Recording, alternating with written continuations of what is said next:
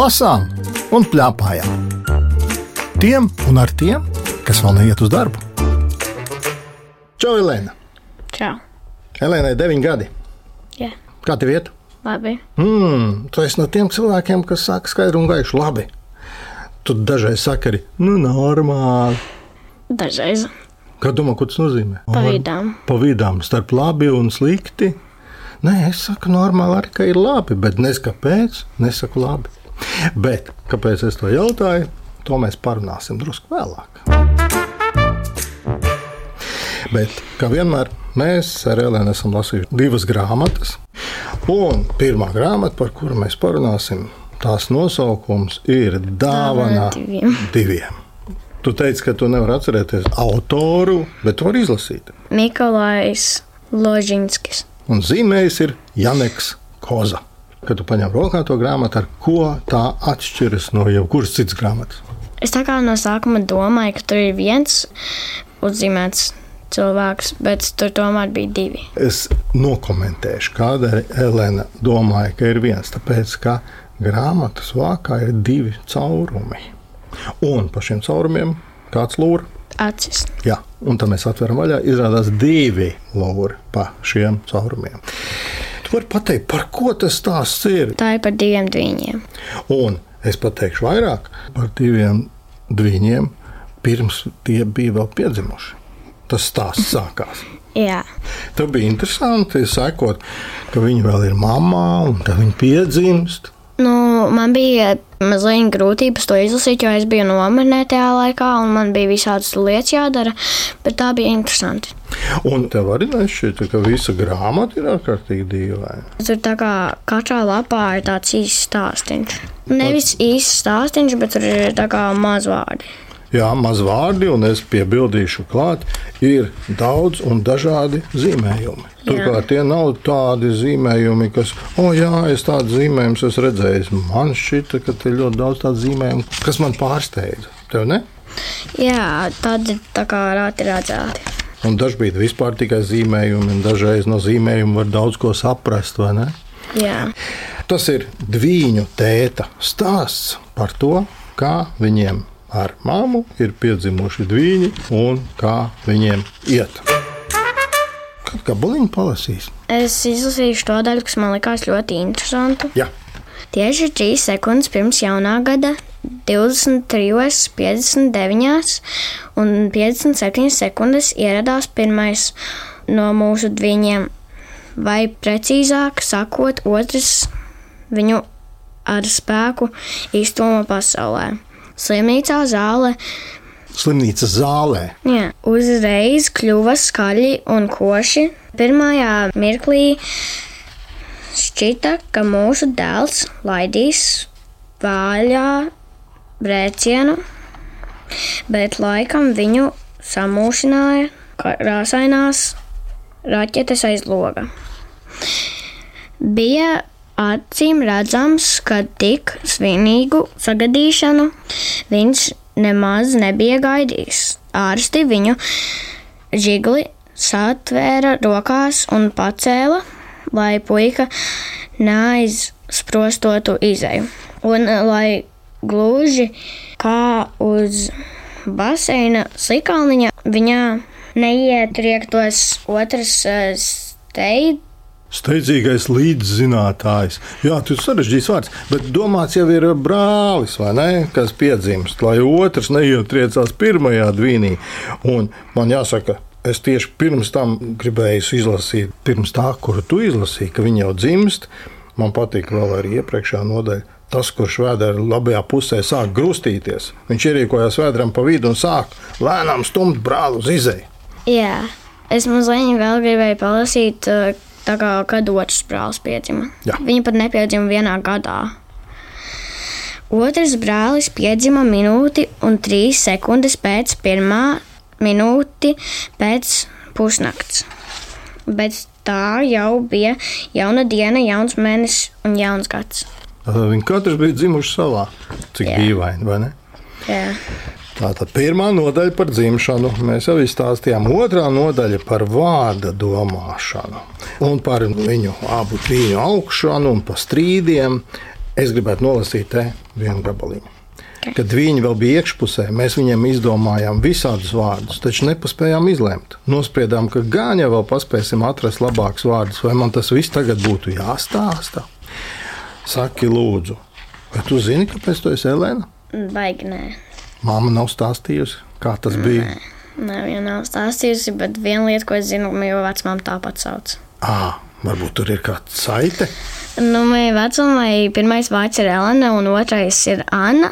Man ir tieši radiniece, kuras sauc Anna. Mm -hmm. Nu, viņai ļoti patika tas vārds, kad viņa, viņa domāja man vārdu.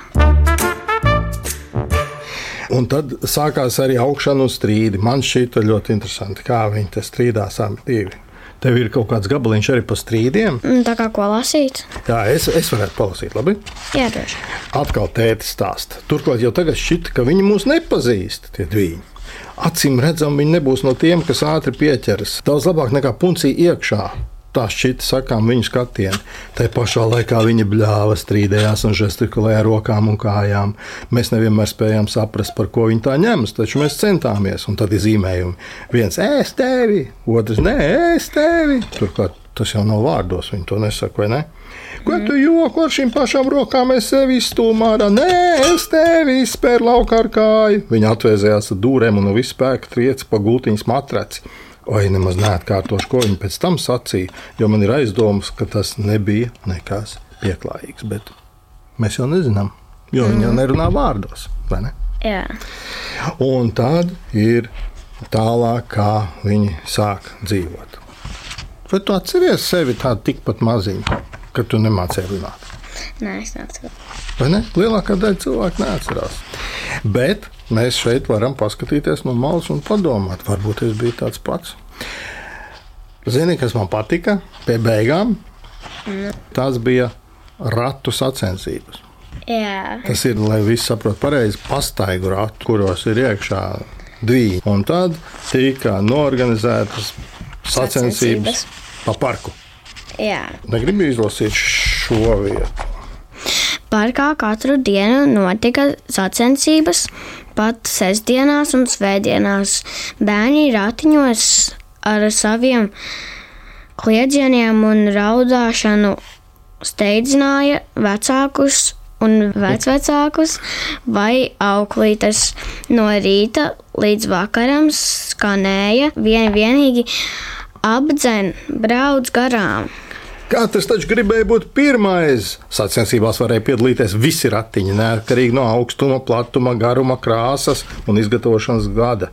Blakus pašiem jaunākajiem, elegantu veikalu modeļiem joņoja veci, bieži jau visai ļodzīgi braucam rīki, ko lietoja otrais, trešais vai pat desmitais bērns.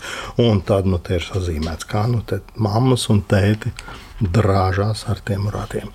Nu, tālāk nestāstīsim, ko viņi vēl sastopas. Grāmata sauc dāvana diviem. Kā domā, ko tas beig beigās nozīmē? Nu jā, tur ir divi, bet ko tas nozīmē dāvana diviem? E, Tā kā dāvana vecākiem. Aha, jā, es no sākuma tā arī tā nemaz nesapratu, ka tā ir dāvana vecākiem, bet tik tiešām bērni laikam ir dāvana vecākiem, dāvana diviem, vai ne? Jā. Un mēs šo grāmatu lasot, varam parunāt varbūt ar vecākiem. Kā tas bija? Kāpēc man ir tā, un es daudz bļāvu, vai es nebļāvu, vai es biju labiņais? Mēs pajautāsim tavai mammai, ko viņa domā par šo grāmatu. Par dāvanu diviem es tā dompriecājos par to, ka tas bija skatījums no tāda tēta puses. Ja parasti tā bērnu ienākšana ģimenē vienmēr saistās ar mammas emocijām, mammas sajūtām, tad šis bija kaut kas citādāks. Un, un tur parādījās tēta redzējums par to, kā mainās tā ikdiena un kā mainās dzīve, kas ir tie uztraukuma brīži un mulsuma brīži. Jā, man tas patika, kad ir darbi, kuri parādā to visu arī tā no tās otras neierastās puses. Bet tad varbūt tā grāmata ir vecākiem domāt, nevis bērniem. Viņa lielā mērā ir vecākiem domāta. Es domāju, viņa ir tiešām tāds liela un maza koncepts dzīvē, kas ir tiešām domāts uh, visai ģimenei. Un es domāju, arī vecākiem tur gan daudz ko, ko, ko redzēt. Kā, jā.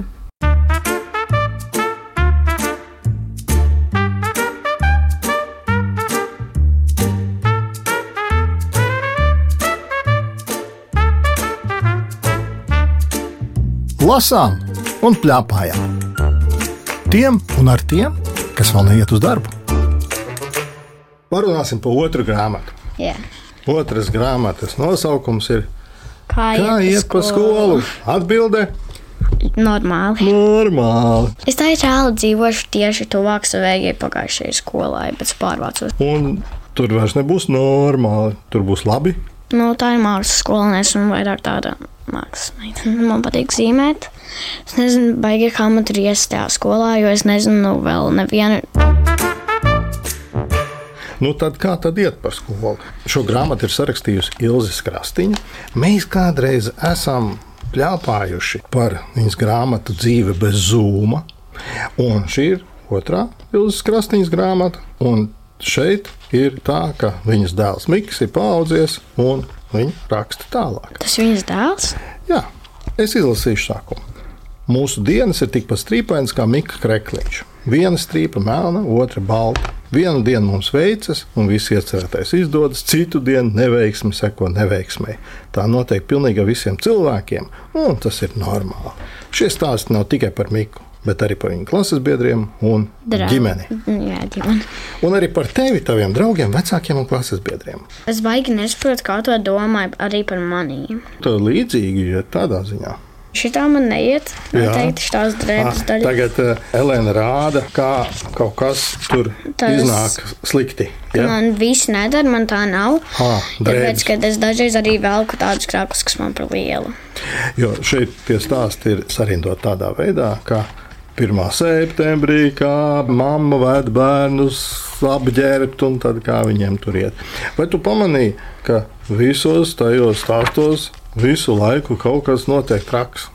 Jā, man patīk ļoti 1. septembris, jo viņš ir ļoti smieklīgs, kur tajam Mikam un viņa draugam cenšas tie suņi nokost kāju vai ko tur izdarīt, jo viņi netīšām iemeta cenu zīmi kaut kādai apaklē viņu pastā, un tur uzrakstīts neko nemest. Un, Aha. Un cept fīrāgus, tas bija tik jocīgi, kā tajam Mikam vienkārši nogatīts plāksters Iecepa pīrādziņā plāksteri. Un tad viņi vienkārši iedeva meitenēm un gribēja nākamajā dienā redzēt, kā garšoja viņām. Nu, tu gribētu būt tā meitene, Nē. saņem to pīrāgu. Nē. Un e, man patīk arī piedzīvojums daudz tālu mājā. Paldies Dievam, ka neiekrita nekur citur nekā tajā zupā. Tā aizdedzinātā lidmašīna, ko viņi mazliet Aha. dumji izdomāja. Kādu tu gabaliņu izlasītu? To daļu, kur tā ekskursija uz čipsu fabriku. Tu gribētu iet uz čipsu fabriku ekskursijā? Jā. Jā, Es esmu vienreiz bērngārzā gājis uz ekskursiju, kur mēs taisījām končas. No tā Ah. kā es tādu cukuru. nepārēdies. Nē, mums ļāva tikai vienu uztaisīt. Aha, un tas- es aizvedu uz mājām viņu un padalījos ar savu mammu. Tas šausmīgi, ka mums neļāva ēst, jau arī Mikls bija gatavs čipsus ēst tonām, bet izrādījās, ka tikai dažus viņi dabūja. Jā, un es skolā tikai vienu reizi esmu bijusi ekskursijā, un tā bija uz kaut kādu koku fabriku. Mums tur viss kaut ko mācīja, tur bija milzīgs šūpolis, kur man ļoti patika.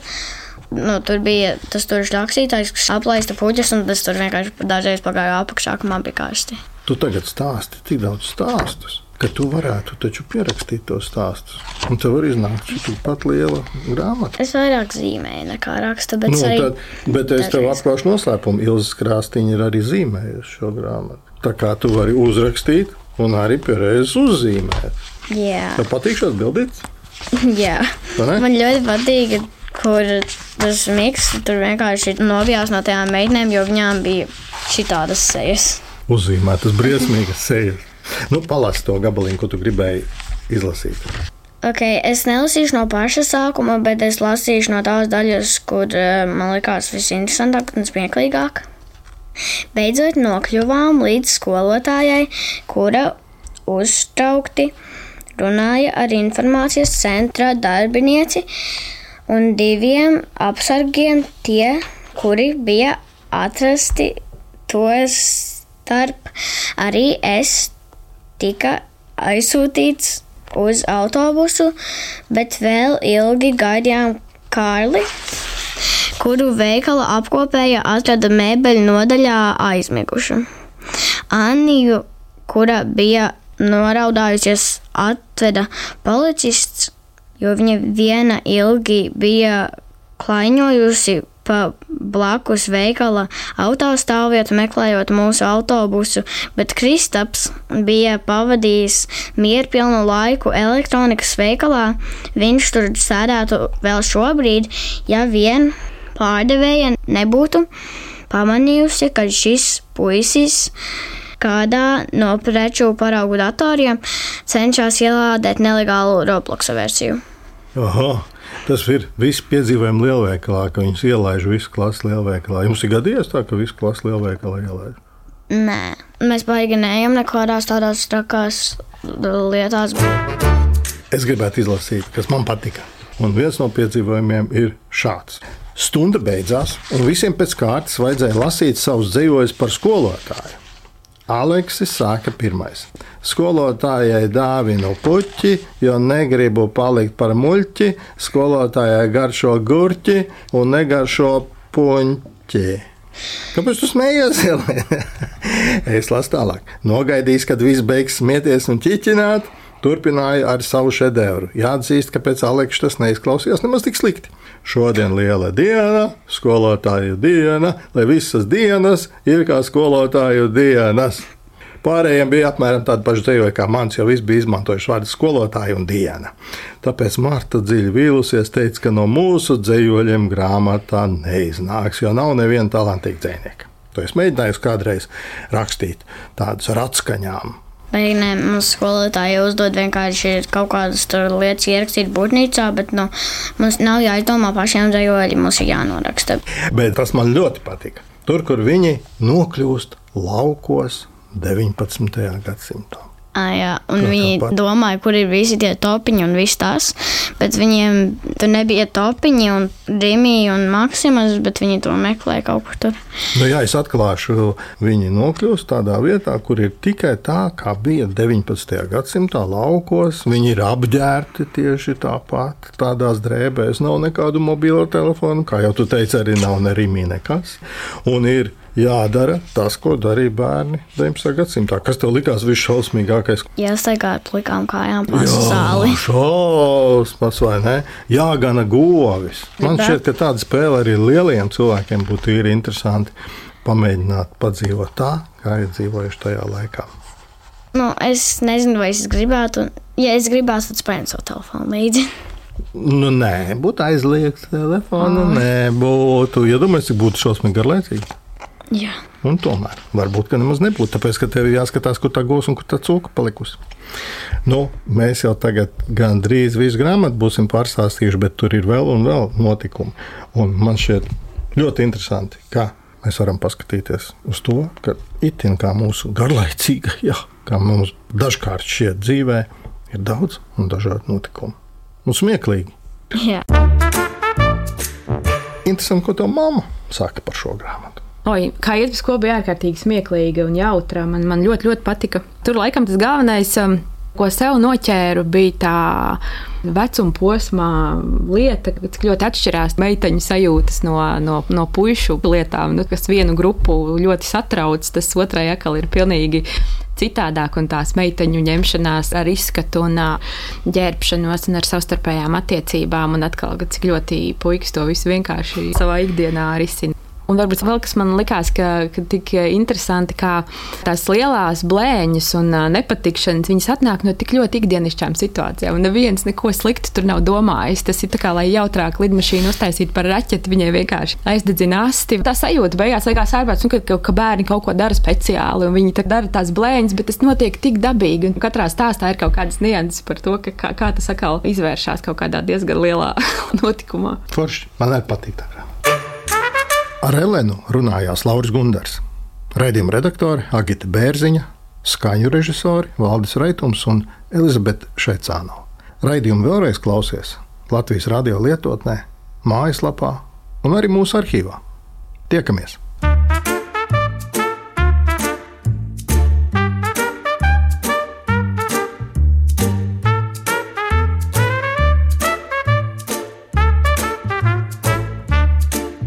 Lasām un plēpājām.